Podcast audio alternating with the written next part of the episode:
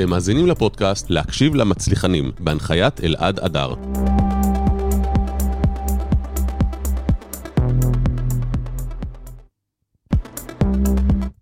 טוב, בוקר טוב, מה שלומך? בסדר, בוקר טוב. תודה שאתה איתנו. הבוקר אנחנו מארחים את אה, אביעד פרידמן, שאני חייב להגיד, אביעד גילוי נאות. אני אף פעם לא מגיע עם דף לפודקאסטים, אבל uh, כשקראתי עליך ועל ה... מה שעשית ועל פועלך ועל uh, כל החיים הפוליטיים ועל החיים העסקיים ועל מה שהתעסקת, uh, פשוט הייתי חייב לרשום כמה נקודות uh, ציוני דרך. כבר תיקנת אותי בתחילת השידור על אחת מהן, מה שמסתבר שלא תמיד צריך לסמוך על ויקיפדיה. מי שלא יודע, אביעד פרידמן הוא ממקימי תגלית. תקן אותי על כל נתון אם אני טועה, נכון?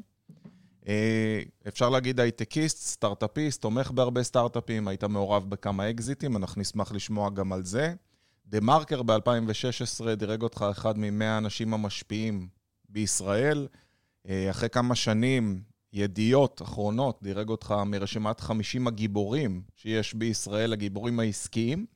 ככה זה נקרא, כי כשהצלחת בעצם לצמצם חוב של החברה למתנסים מ-84 מיליון שקלים אתה אומר למצב מאוזן, עוד מעט נשמע גם על זה.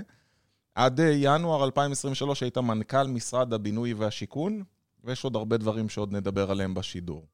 אז אה, מה פספסתי שהכי חשוב? אה, הכי חשוב, חמישה ילדים. יפה. חנה. זה הכי חשוב. לגמרי. הכי חשוב זה הקהילה שאני שותף בהקמתה, וחלק ממנה כבר 15 שנה בתל אביב. קהילה ציונית, דתית, ליברלית. אה, חשוב במיוחד בימים אלו. מה, מה זה אומר קהילה ציונית ליברלית? ספר לי שאני אבין. אנחנו, מצד אחד אנחנו קהילה אורתודוקסית. אה, כלומר, יושבים בבית כנסת בנפרד. אה, מצד שני, ומחויבים להלכה.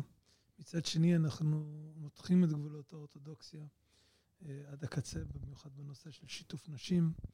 ובנושא של אה, קבלת אה, אוכלוסייה, לא יודע אם הביטוי הנכון הוא קבלה, שיתוף ושוויון של אוכלוסייה להט"בית אה, בבית כנסת, מתוך תפיסה של קרוב השם לכל קוראיו, לכל אשר יקראו באמת.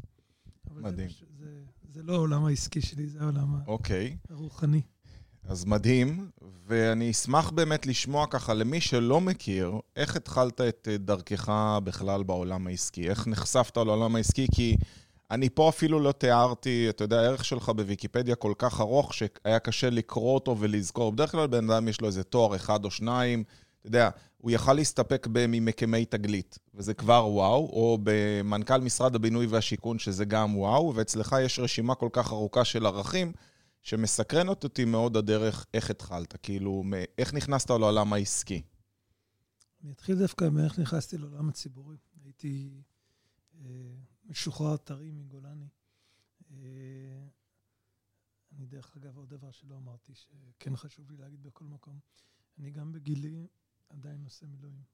וואו. אתה היום בן 51? אני, כן, 51 וחצי, אבל אני עדיין עושה מילואים. בגיל הזה אתה עוד סופר חצי? כן. אני עדיין עושה מילואים. אוקיי. אה, מאוד גאה בלעשות מילואים ולהיות שייך לאנשים שמשרתים. אה, השתחררתי אה, מהצבא וגויסתי ישר למשרד ראש הממשלה לעבודה ברוסיה. זה היו השנים של ימי העלייה הגדולה, תחילת שנות ה-90. ונסעתי לתקופה ארוכה לעבוד ברוסיה, הייתי שותף אז אה, גם להתחלת פרויקט נעל"ה. לא יכול להגיד שלהקמתו, אבל הייתי שותף אה, אה, לבחירת הילדים הראשונים שלה, שלה, שהגיעו לארץ בפרויקט נעל"ה, פרויקט ציוני חשוב. ואחר כך נקשרה נפשי בעבודה הזו של עלייה וקליטה. ביליתי תקופה לא קצרה באתיופיה, כשותף קטן ולא חשוב, אבל עדיין שותף בעליית יהודי אתיופיה, בהעלאת יהודי אתיופיה. אה, ועד שנת 96 בעצם אה, חילקתי את הזמן בין אה, ישראל לבין עבודה ברוסיה, אתיופיה, אוקראינה, כל, כל מה שאתה יכול לדמיין. כמה זמן היית מבלה פה וכמה שם? תלוי באיזה שנה. נגיד באתיופיה? אתיופיה זו הייתה תקופה יותר מרוכזת, הי- הייתי שלוש תקופות באתיופיה.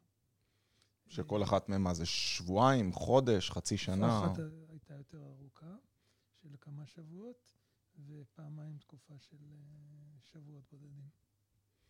אה, ומרוסיה היו תקופות יותר ארוכות. אני חושב שלאורך התקופה הזו, פעם עשו לי חשבון שהייתי 17 או 19 פעמים במקומות שונים במה שהיה נקרא אז חבר המדינות.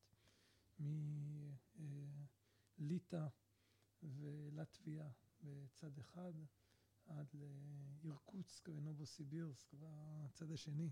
ותאמר לי, איך מגיעים מ- מעלייה ומתגלית ומנעלה להייטק? מה מה הקשר? אז שנת 96 הייתי שותף זעיר וקטן בהקמתה של ישראל בעלייה ובעבודה עם נתן שרנסקי ויולי אדלשטיין.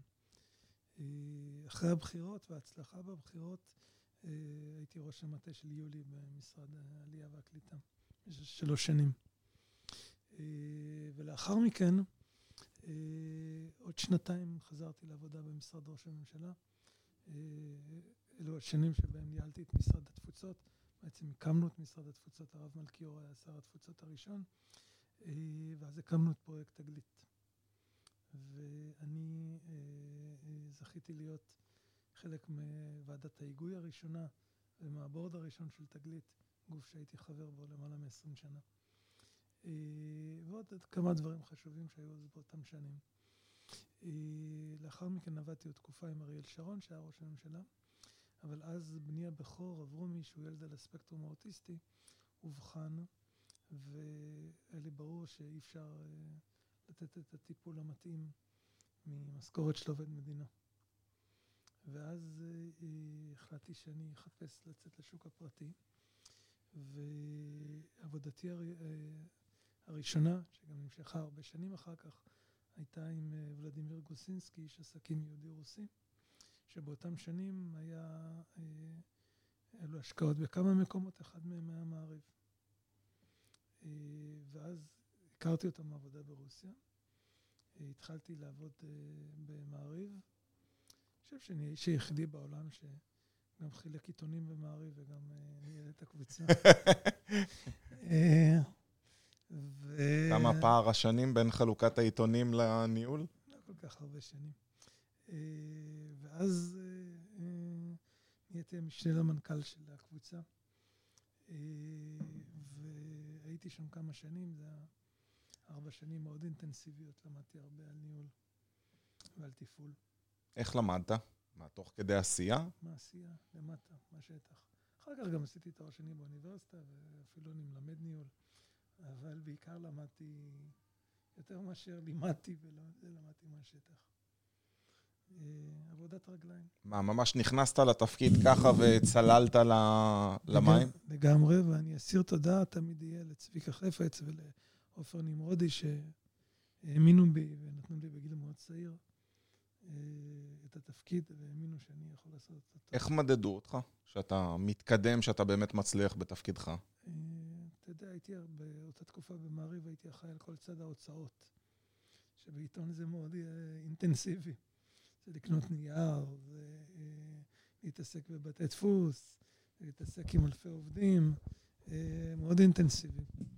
אה, מאוד קל לראות, מודדים כמה מוציאים, מודדים אה, שורת רווח והפסד, אה, מודדים יכולות תפעול. ומשם הדרך הייתה להייטק, או שהיה שלב אחר? משם הדרך הייתה להייטק. זה השנים הראשונות של ההייטק, של בעצם של פריחת ההייטק הישראלי. זה היה שנות ה-90? לא, זה היה שנות האלפיים. אבל אחרי המשבר של אלפיים, יש שתי דורות בהייטק, עד המשבר של אלפיים ומ-2003, אחרי חומת מגן, שהכלכלה פה התחילה לצאת מהמשבר. אה, ובאותם שנים הייתי שותף לשתי חממות טכנולוגיות, מעיין Venture ו Capital Point, אה, ועבדתי עם עשרות סטארט-אפים. שאתה, מה בעצם? אתה עושה להם mentoring, או... אני עושה להם mentoring. בחיי הייתי mentoring של, אני חושב, של עשרות סטארט-אפים. מה לדעתך, אה, בוא נגיד, הטעות הרווחת ביותר של סטארט-אפים? היית יכול לאפיין משהו אחד של אה, יזמים צעירים שמגיעים? אני בדרך, כלל פעם ביום מקבל פנייה אה, של מישהו שאומר, יש לי רעיון לסטארט-אפ, גם אתמול, ואתמול קיבלתי עוד פנייה, סוג של בחור בן 24, הוא אומר, תשמע, אני, יש לי בקשה אם אתה יכול לעזור לי לגייס 40 מיליון שקל. אז אמרתי לו, מנגד למה? אז הוא אומר לו, עוד אין לי רעיון, אני פשוט רוצה עזרה בלגייס 40 מיליון שקל. אמרתי לו, לאיזה עסק? הוא אומר לו, עוד אין, אין לי רעיון לעסק. אנחנו כאילו חיים במדינה כזאת שאני מרגיש לפחות, שאנשים חושבים ש... איך אומרים, אולי כסף גדל על העצים והכל אפשרי, או קצת יותר מדי מאמינים למה שהם רואים בסרטונים. מה אתה רואה שבאמת אה, הקושי הגדול של סטארט-אפיסטים? קודם כל ניהול. אה, רעיונות יש הרבה. אה, השאלה איך ליישם אותם. ואין פה בעיה בארץ של רעיונות. אנשים קמים בבוקר וחושבים על רעיונות, ויש פה חינוך ליצירתיות, וזה נהדר. הבעיה היא היישום, הבעיה היא התפעול, הבעיה היא לקיחת העסק אחר כך ל... ובשביל זה בעצם חשוב שיהיו חלק מחממה? לאו דווקא חממה. שיקחו שותף עסקי או ייעוץ עסקי? אני לא בטוח שהחממה היא המודל הנכון. חשוב ש, ש, שיהיו שותפים טובים. אני הרבה פחות מאמין בבן אדם אחד בסטארט-אפ. אני הרבה יותר מאמין בזוג. באמת? למה? כי אז יש איזון בין אנשים. לא זוג נשוי, זוג... אה, כן, זוג עסקי. זוג עסקי. אה, כי לפעמים כשאדם בא לבד, אז הוא גם עף על עצמו, והוא גם הרבה פעמים עוד חסר יכולת ניהולית. ומאוד נדירים אנשים שהם גם גם היזם וגם הטכנולוגי. וגם אה, זה, ואני מעדיף לראות אנשים שהם שניים. ככה שהם יתקנו אחד את השני, וגם כולנו בני אדם, יש לנו ימים חלשים, ויש לנו גם לפעמים משפחה. וצריך מישהו שיאזן. והכל, ואתה יודע, וחיים. ואז צריך איזון. אז בוא נדבר רגע על איזון. אתה כתבת ספר אה, שנקרא ביום בו תקרא לי אבא, שהפך להיות רב-מכר. הספר, אני מבין, מדבר על אברומי. ואמרת משהו שהיה מאוד מרגש קודם, אמרת, עזבתי את העשייה הציבורית שלי, כי הבנתי שאם אני רוצה לטפל באברומי, אני צריך אה, סכומים גדולים יותר. אה, אני אשמח אם תוכל לספר כמה מילים על הספר, אה, במה הוא עוסק, ואז נקפוץ פנימה לנושא. הספר זה סוג של פרקי יומן, מיום הולדתו של אברומי עד התנדבותו לצבא. הוא היה עבורי סוג של תרפיה. לא האמנתי שיקנו אותו 40 אלף איש, זה כאילו... מטורף. מטורף. ו... אנשים לא מבינים שרב מכר בארץ, אני חושב שזה מעל עשרת אלפים או משהו כזה. כן. אה, זה ספר של אה, זהב ב-20 ו-40, זה פלטי, זה כבר ספר פלטי. כן. זה, זה מטורף. אה, באמת, אבל הוא נוגע בהמון אנשים בגלל שזו תופעה הולכת וגדלה של אנשים עם צרכים מיוחדים. וכנראה שכולנו בני אדם. מה, מה יש לאברומי? אברומי נמצא בספקטרום האוטיסטי. אוקיי, למי שלא מכיר מה זה אומר, מה... מה... בעיות תקשורת, בעיות התנהל... אה, אה, הסתגלות, התנהלות. אה, והוא מתמודד עם זה בצורה מאוד מרשימה. מדהים. אז אני רוצה רגע לקחת אותך לאיזון. איך אתה מאזן בין החיים העסקיים לחיים האישיים? יש לך איזשהם נהלים שאתה עושה? אתה יודע, אני אתן לך דוגמה. אני נגיד מקפיד שפעם בשבוע לפחות יהיה לי דייט עם אשתי. ש... שזה פשוט ביומן. יש לי זמן לילדים, יש לי זמן למשפחה ויש לי זמן גם לעצמי. אתה עובד לפי איזה סדרה של כללים מסוימים, או... אה, תלוי באיזה תקופות. בתקופה שהייתי מנכ"ל משרד השיכון, לא היה לי זמן לכלום. וזה היה מחיר כבד בהרבה בחינות. אה, באמת עבדתי מאוד מאוד קשה, הייתי מתחיל בשש וחצי בבוקר ומסיים שעות מאוחרות ולא היה אף יום. הצוות שלי התאבד בשביל שיהיה יום שאני חוזר הביתה מוקדם, בפועל... מה זה מוקדם? שש, שבע. זה מוקדם עוד, לפני שכולם הולכים לישון, מה כן. שנקרא, שעוד אפשר לאכול ארוחת ערב ביחד. כן. אה, אז אני לא בטוח שאני הדוגמה הכי טובה לאיזון. אבל uh, אני משתדל. Uh, למצוא את האיזון. משתדל למצוא את האיזון. אני כן מוצא זמן לספורט. מה אתה עושה? איזה סוג של ספורט? ריצה, הליכה, כל יום רכיבה על אופניים. כל יום? זהו, חשוב להגיד שהיה הכי מוזר בעולם, אתה המרואיין הראשון אי פעם, שאמרתי, מה מספר הרכב שלך, נשמור לך חניה, אז מקסימום יש כאלה שעונים לי, אין צורך, אני בא עם אופנוע, ואתה אמרת, אני בא על אופניים. אז אני אגיד לך, הרבה שנים חילקתי בין אין צורך, אני בא עם נהג, לבין אין צורך, אני בא עם אופניים. זה נראה, זה, זה שילוב קצת נדיר, נכון? אני מאוד ירוק, מאוד מאמין ברכיבה על אופניים. אופניים חשמליות או לא, לא, רכיבה, רכיבה, אתה אומר חס וחלילה, הייתם צריכים לראות איך הוא עיקם את הפנים שאמרתי חשמליות. חשמליות זה נורא, זה פוגע באנשים. אה, אה, אני רוכב, אני רוכב עם קסדה, חשוב. חשוב. אפילו אה, הקסדה ירוקה. ואני חושב שאם כולנו היינו בעיר הזו, אין סיבה לא לרכב. מאיפה אתה מגיע? כמה מרחק? מגן העיר. אוקיי. שם אני גר, מרכז תל אביב, רבע שעה. רבע שעה כן. של ואני אגיד לך פידול... משהו, אם הייתי נוסע באוטו, היה לוקח יותר זמן. נכון. היה לוקח יותר זמן ועצבים. שלא לדבר אם היית צריך למצוא חנייה. כן, וזה, זה, ועצבים, אבל עזוב, גם בלי חניה, סתם, העצבים האלה. כן, לא שווה. אז נכון, יולי-אוגוסט, לא נעים. כן. אתה יכול להגיע רטוב. אתה יכול להגיע רטוב. אז יולי-אוגוסט לא. אבל שאר החודשים בתל אביב, קלאסי לא. איך בן אדם עמוס כמוך מצליח לשלב ספורט? זה דבר ראשון על הבוקר, או זה זה מתי מאוד- שמזדמן? זה מאוד תלוי. דבר ראשון על הבוקר זה תפילה. אה, אז זה חצי שעה של התפילה, ואז גם לימוד שאני משתדל ללמוד כל יום, ובדרך כלל גם... מה אתה לומד? גמרא, דף יומי. יפה.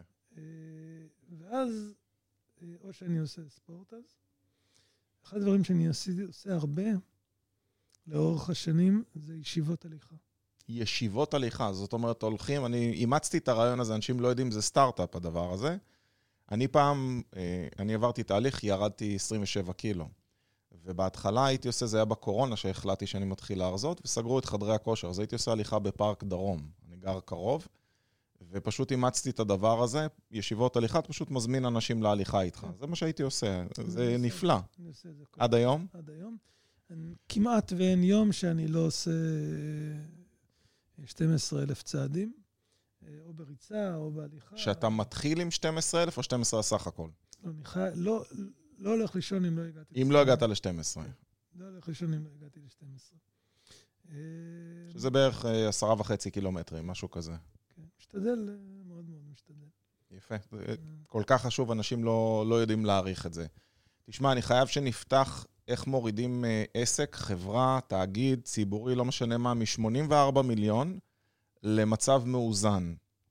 ותוך כמה זמן זה לקח? לאזן את החברה לקח אה, שלוש שנים. בשלוש שנים מ-84 מיליון למאוזן. כן. אה, שלוש וחצי שנים.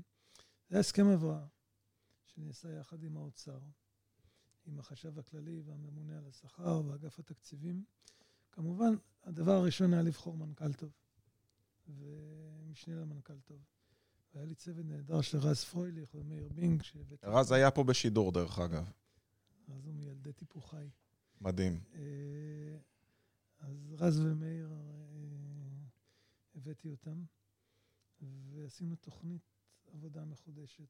עשינו הסכם עם העובדים, אה, שאפשר גם יציאה לפנסיה לח- לחלק מהם, וגם תבנית שכר אחרת. כי מה, היה שכר מנופח, היה יותר מדי תפקידים? מה, מה תהליכי הבראה? תן ככה... המבנה שכר לא היה נכון. אנשים קיבלו מאוד מעט כסף, מעט מאוד כסף בתחילת דרכם, אבל הרבה מאוד כסף ב-25 שנה וביציאה לפנסיה. ואז קשה לך להביא אנשים צעירים, כי בשנים הראשונות הם מרוויחים רע, אבל בסוף יש בוכטות של כסף שיורדות, ואנשים גם מושכים, גם אם זה לא מה שהם רוצים. ואז שינינו את המבנה שכר, והגדלנו מאוד את השכר למנהלים, למנהלי המתנ"סים. למנהלים בפועל, לא משנה לוותק שלהם, אלא לפי תפקיד. לפי הדור, כאילו דור שלישי בחברה למתנ"סים, הם קיבלו 18,000 שקל למנהל מתנ"ס, שכר ראוי למי. שמנהל הרבה, אבל אין מענק עשור, ואין מענק יובל, ואין אה, את אה, כל מה היה מענק עשור או מענק יובל? זה יכל להגיע לשנת עבודה לפעמים ביציאה לפנסיה, כל מיני דברים כאלה, שהם מאוד לא יעילים. איך, איך מבצעים שינוי כזה? הרי זה הסכמים, בטח היה איזה הסכם הסתדרותי או איזשהו הסכם כלשהו. בישיבה אה, עם ועד העובדים, אה, הבנה של החברה ושל הבנה של בכלל, שאין ברירה, שאם זה יימשך ככה, החברה פשוט יפשוט את הרגל ויסגרו אותה. זאת אומרת, אתה פשוט מוריד את הסכין ואומר, חבר'ה, אם זה לא, לא עושים את השינויים האלה, אז אתם פשוט כולם ילכו הביתה גם ככה. אה, קודם כל עשינו אותם בהרבה הקשבה לעובדים, בהרבה שיתוף פעולה. אבל עם אה, נכונות גם להיות קשוח שצריך. היו התקוממויות? כן, מטבע הדברים. היו, בכל התפקידים שלי היו אנשים שלא אהבו את מה שעשיתי. איך אתה מתמודד עם זה? אתה יודע, אני שם לב, אין מה לעשות, כאיש עסקים, ואני חושב שכל בן אדם שהוא, ככל שהוא עולה יותר למעלה, יש לו יותר מתנגדים, או יותר אנשים שהוא מפריע להם בדרך. בטח כשאתה רוצה לעשות שינוי, אתה מספר על זה כאילו עכשיו הלכת וירדת פה למטה לקנות סודה, אתה אומר, עשיתי שינוי, הורדתי להם בשכר, העליתי פה, שיניתי שם, אבל ברור לי שמהלך כזה יכול להוביל הרבה מאוד רעש. אה, כן, מהלכים כאלה מובילים להרבה רעש. אה, איך אתה מתמודד עם זה? איך אני מתמודד עם זה? מה, יכול להיות ששלחו לך הודעות אישיות, אה, אה, בפייסבוק, עשו סרטונים, הקימו קבוצות. זה, זה הקטן. הייתי, גם במעריב היה לי... עדת מעריצים? גם במעריב היו שינויים שהיינו צריכים לעשות. ב, גם ב, ל, לפעמים לפטר אנשים. אה, קודם כל להתמודד עם זה ולהיות בן אדם. הדבר הראשון שחשוב זה דוגמה אישית. אם אתה חזיר ואנשים רואים שאתה חזיר, אז הם לא היו מוכנים ל, ל, בעצמם אה, להירתם. נניח הדבר הראשון שעשינו במתנ"סים רז ואני שהגענו, אה, עד אז היה הפערים בין הרכבים של האנשים. אמרנו, כל העובדים מקבלים אותו רכב. אה, כל הדרגים. כל הדרגים, חוץ ממני שלא לקח רכב מהחברה בכלל. אה, מה, גם לשם היית בא באופניים? לא, כאילו, היה לי רכב וזה, ואיפה שיכול, איפה זה היה בתל אביב הייתי באופניים, איפה שלא הייתי, היה לי רכב ונהג. שלי, לא של ה... אבל האנשים פתאום הבינו, והדבר הראשון, חתכתי את כל ההוצאות שלי. את כל השנים שלי במתנ"סים עשיתי בהתנדבות. וואו. כל, בשלוש כל... שנים? שלוש שנים פשוט בהתנדבות? שבע שנים. שבע שנים? כן. כי אמרת, אם אני לא טועה, שלקח שלוש שנים לצמצם את ה... כך אה, המשכת, זאת אומרת, לא סיימת ויצאת לא. ישר. אבל אה, עשיתי את זה בהתנדבות. עכשיו, כשאתה עושה משהו בהתנדבות... קשה לבוא אליך בטענות. אז מה... אנשים, מה אתם רוצים? את השכר שלי נתתי. עכשיו, גם במעריב... אבל אם הם באים אליך ואומרים, בסדר, נו, אתה עשית אקזיטים בהייטק, קיבלת עשרות או מאות מיליונים, אתה אדם עשיר, אתה יודע, לא משנה מה יש, מה אין, הם מדברים, ואתה יכול להרשות לעצמך, גם אני הייתי עושה אקזיט בהייטק, הייתי יכול לעבוד פה בהתנדבות, אבל אני צריך לפרנס את הבית, שלם משכנתה, אז איך אתה מוריד לי את השכר? בגלל שהוא צריך לפרנס אה, את הבית, גם לא עשיתי מעשרות, אה, מאות מיליונים, עשיתי ברוך השם סכומים אה, שמספיקים לי לחיות, ברוך השם.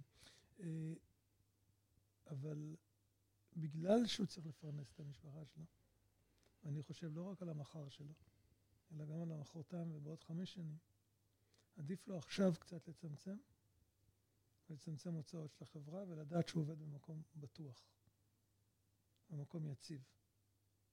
אנשים מוכנים לעשות הרבה כדי לדעת שיש דרך, וכדי לדעת שמי שהקברניט של הספינה, אה, אה, יודע מה הוא עושה. אחת הטעויות הקשות בעיניי בניהול זה לעבוד סלאמי. כי אז... אתה אומר, זה לא נכון. זה לא נכון. כאילו, צריך, צריך לעשות שינוי, צריך לעשות קיצוץ. Mm-hmm. תחתוך חזק בהתחלה, תן מכה אחת, אבל מי שנשאר, שירגיש שוואלה, הוא ממשיך. אז אתה אומר, אני בעצם יודע לעשות שינוי עכשיו שהוא יכאב קצת, בזה שאני מבטיח לבן אדם עתיד בטוח יותר, כי בסופו של דבר מה כולנו רוצים? שהעתיד שלנו יהיה בטוח. אז אתה אומר על סמך זה, וכמובן דוגמה אישית. דוגמה אישית, הקשבה לאנשים. אה, חוכמה מאוד קטנה לפגוע בעובדי הניקיון ובאלה, לא בהם פוגעים.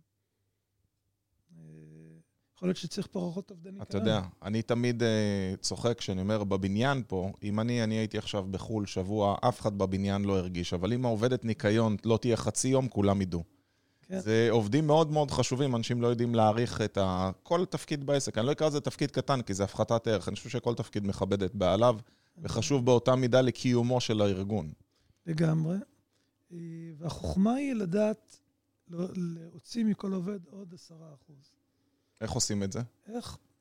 בזה שאתה נותן לו משמעות, ושהוא מרגיש שהוא חשוב בארגון, שאתה מקשיב לו, אבל לא מן השפה ובחוץ, אתה באמת מקשיב לו. שאתה מעצים אותו, שאתה נותן לא לנהל דברים, שאתה לא מתעסק ב micro-management. מדהים. אה, מי היה עבורך אה, דמות מעוררת השראה בחייך? יש כמה. פרט ונמק. בכמה תחומים. מוריי ורבותיי מישיבת הר עציון, הרב ליכטנשטיין והרב עמיטל, שהראו לי שאפשר להיות גם יהודי דתי, אבל גם ליברלי וגם משכיל, אה, ביהדות שמתאימה לעולם המודרני. אה, מורי באוניברסיטה, פרופסור מנחם בן ששון, אה, איש רחב ידע. ואחר כך היה נשיא האוניברסיטה העברית. בעולם העסקי, בעולם הציבורי, שמשון שושני, שהיה דוגמה בעיניי למנכ"ל מוצלח של משרד ממשלתי. איש ניהול טוב. בעולם העסקי, עמיקם כהן, שהקים את פרטנר והיה עבורי אה, סוג של מנטור אה, בהרבה דברים. אה, מייקל אייזנברג, שהוא שותף וחבר, ועדיין, גם כשותף וחבר, הוא סוג של מנטור, של בן אדם שמסוגל לחשוב הרבה שנים קדימה. זה מדהים, אתה יודע, יש לך זכות של הוקרה מאוד מאוד גדולה. רוב האנשים מונים בדרך כלל בן אדם אחד או שניים שהשפיעו על חייהם, ואתה ככה, כאילו והתכוננת לשאלה ולא הכנתי אותך בכלל. יש לך מקום מכובד לכל אחד מהאנשים האלה. כן, כל אחד מהאנשים האלה נתן זווית בפני עצמו. יש איזה שהם ספרים עסקיים או אה, מקומות שלקחת מהם ידע שאתה אומר, אם אתם רוצים להצליח יותר בחייכם העסקיים, הייתי ממליץ לכם אה, לקרוא. אני אוהב את הספרים של קולינס, של Build for Last, ואני חושב שהם ספרים טובים. Uh, חלק מהספרים של הפסיכולוגיה הכלכלית, uh, כדוגמה דן אריאלי ואחרים, המחקרים גם היותר מחקריים של קיינמן, uh, שעוסקים בהבנה של הכלכלה כפסיכולוגיה. אני חושב ש... ש... שזה חשוב בתור מנהל. שזה, שזה חשוב. כדי להכיר אנשים, כדי להבין ארגונים. כן. וגם לצד השלילי. אתה יודע, אני קורא עכשיו מאוד בעניין את הספרים על אילון מאסק. יודע, קראתי את זה כבר חמישה ספרים עליו בערך. אה, ואני מאוד מבוהל ממנו. באמת? כן. הוא טיפה פסיכי, אבל בזכות זה הוא מצליח לעשות דברים. אה, כן, אבל זה מפחיד אותי, ואני שואל את עצמי, האם צריך להיות כל כך פסיכי כדי להצליח לעשות דברים? אה, אתה קורא בספר על ממש התעללות שלו באנשים, וגם בעצמו. וזה מאוד מפחיד. כן, הוא בהחלט אה, אחד האנשים שלוקח את, ה... את הכל האקסטרים. כן. עם שבועות עבודה של מעל 100 שעות אצלו זה סטנדרטי, ולישון לא על הרצפה, ואיך שהוא מתייחס לכוח אדם. לישון על הרצפה ולעבוד שבועות כאלה, זה לא מפחיד אותי. חלק מהחזרה למשרד השיכון והשנה וחצי האחרונות שעברתי שם, היו כדי להראות לעצמי שאני יכול לחזור לעבוד אה, ככה ולישון שלוש שעות בלילה על הספה בירושלים, וזה בסדר מבחינתי. אה, אתה מצליח לתפקד עם שלוש שעות? כן. אין לי בעיה, אני לא מפונק, גם עם פחות מזה, אני לא מפונק. אה, זה לא הבעיה. אבל אין שום דבר בעולם שמצדיק את היחס שלו לעובדים שלו. וכשאתה קורא את זה, זה חור אליך. זה, אני יכול בהחלט להבין, בטח לאור כל השינויים והאג'נדה שלך. בוא נדבר רגע על משרד השיכון. כמה זמן היית שם סך הכל? 19 חודשים. 19, בואנה, אתה סופר הכל, זה כאילו... של מספרים. לגמרי. אז אם, אם אנחנו אנשי מספרים, אז אי אפשר שלא לדבר על הריבית ועל השינוי. אני מבין שאתה עוד היית שם כשהאג'נדה תראה, נכנסה. לפני עשרה חודשים שמתי נפשי בכפי והתראיינתי בכל מקום, אני מניח שראית את זה גם אתה כאיש עסקים. אמרתי אה, בריאיון לכלכליסט, ואחר כך בטלוויזיה ובכל מקום, אמרתי, מחירי הדיור ירדו. ו, וגם ציינו גם מתי הם ירדו. עכשיו, לא אמרנו שהם ירדו אה, אה, אה, בכללי, נתנו תאריך וזמן וכיוונים. עכשיו, זה לא שאני אורקל ויודע להגיד, אה, אה, אה, לחזות ניסים. אבל היו כמה מרכיבים שהבהירו לי בצורה חזקה לאיפה השוק הולך.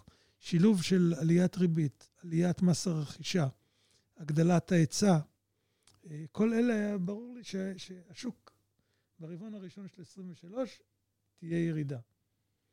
אה, עכשיו... וזה בדיוק הכתבה שאני רואה כרגע, החגיגות נגמרו, מחירי הדירות ייבלמו ב-2023. הכוח עובר לקונים, וזה באמת מה שקורה, אבל השאלה... אתה יודע, כאילו, יותר ברבעון הראשון של 23. אה, וזה בהרבה מקומות ורעיונות ובדברים וזה. עכשיו, הקבלנים רצו להרוג אותי שאמרתי את זה, מה פתאום? אז הדיבור היה, יהיה 20 אחוז עלייה בשנה, והכל, כל מחיר זוכה וכל קרקע, אפשר לדחוף לה מה שרוצים וכן היום חד משמעית הכוח אצל הקונים. היום לא רק שהכוח אצל הקונים, צריך מאוד להיזהר. אה, אתה יודע, לא רחוק מפה, ביגאל אלון, קנו קרקע, איפה שהחלבן ב-80 מיליון שקל, קרקע שהייתה שווה 123 מיליון שקל לפני שנתיים. אה, ועוד הרבה דוגמאות שאני יכול לתת לך. יש, יש ירידה, וצריך זהירות. אה, אבל דווקא בגלל זה אני רוצה להגיד לך שאני מאוד בחשש. ממה? הירידה שהכי מטרידה אותי זה הירידה בהתחלות הבנייה. ב? התחלות הבנייה. התחלות הבנייה, אוקיי. הגענו לתקופה שהצלחנו להגיע ל-70 אלף התחלות בנייה בשנה. אפילו יותר מזה, ל-80 אלף, לקצב של 80 אלף. כל, אני מפחד שאנחנו נגמור את 23 עם 40 אלף, 40 אלף. אבל למה זה מפתיע אותך? אני מסתכל, אני, יושבים אצלי קבלנים, אתמול אצלי, התחיל אצלי קבלן אה, ייעוץ. קודם כל, כמות הדירות ועסקאות הנדל"ן התרסקה. אנשים על הגדר, כי הם מחכים לראות מה, מה יקרה עם הפריים. אה, קבלנים פושטים רגל, אה, אנשים שקנו קרקעות, אני לא אגיד אה, שמות כן. וסכומים, לקחו הלוואות של מאות מיליונים או מיליארדים, ופתאום הפריים קפץ. רק הריבית גומרת אותם, כי לא רק זה, גם מי שעומד לקנות מהם דירה מחכה לראות לאן יגיע המחיר. הוא אומר, בוא נחכה, כי המחיר יורד, והוא צודק. כרגע אני מכיר נכסים שהתחילו לפני ב-8 מיליון, היום הם פחות מ-7 מיליון. זאת אומרת, כל השוק, יש בו תנודתיות מסוימת. לאן זה הולך? 23 תהיה שנה של ירידת מחירים. גם, להערכתי, גם תחילת 24, רבעון שני 24. אני חושש שאם אם לא ייתנו חזק עכשיו בשיווק וימשיכו לשווק, כמו שאנחנו שיווקנו, 100, 100 ומשהו אלף יחידות בשנה, ב-25, 26 יהיה עוד פעם עלייה, אבל היא תהיה על סטרואידים, כי לא יהיה... לא יהיה... כי לא יהיה דירות בעצם, אז יהיה לא ביקוש גדול מהיצע. תאמר לי, מה אתה מעריך לגבי הריבית? מתי אנחנו נראה את הפריים מתחיל לרדת במקום לעלות? סוף 24. וואו, אתה אומר... אמצע, אמצע, אמצע סוף 24. אתה אומר שעד אמצע סוף 24, להערכתך הפריים יישאר גבוה כמו שהוא עכשיו. יכול להיות שהוא ישחק... אה, כן, שייתנו לנו זריקת הרגעה מ-6 ל-5.75, אבל רק בשביל, איך אומרים, להריח את הוורדים טיפה. טוב, תשמע, אביעד פרידמן, נעמת לי מאוד, אתה איש שיחה מדהים, יש כל כך הרבה מה לשמוע וללמוד ממך, אבל אנחנו תמיד משתדלים אה, לשמור על 30 דקות שידור, והיה כל כך כיף שאפילו קצת חרגנו. אני מודה לך מאוד שהגעת והתארחת בשידור, ואני מודה לכם שהאזנתם ללהקשיב למצליחנים עם אביעד פרידמן, אה, יזם, איש עסקים ופעיל חברתי מאוד מאוד גדול. אנחנו נתראה בשידור הבא. להתראות. תודה רבה לך, נעים. אתם מאזינים לפודקאסט להקשיב למצליחנים, בהנחיית אלעד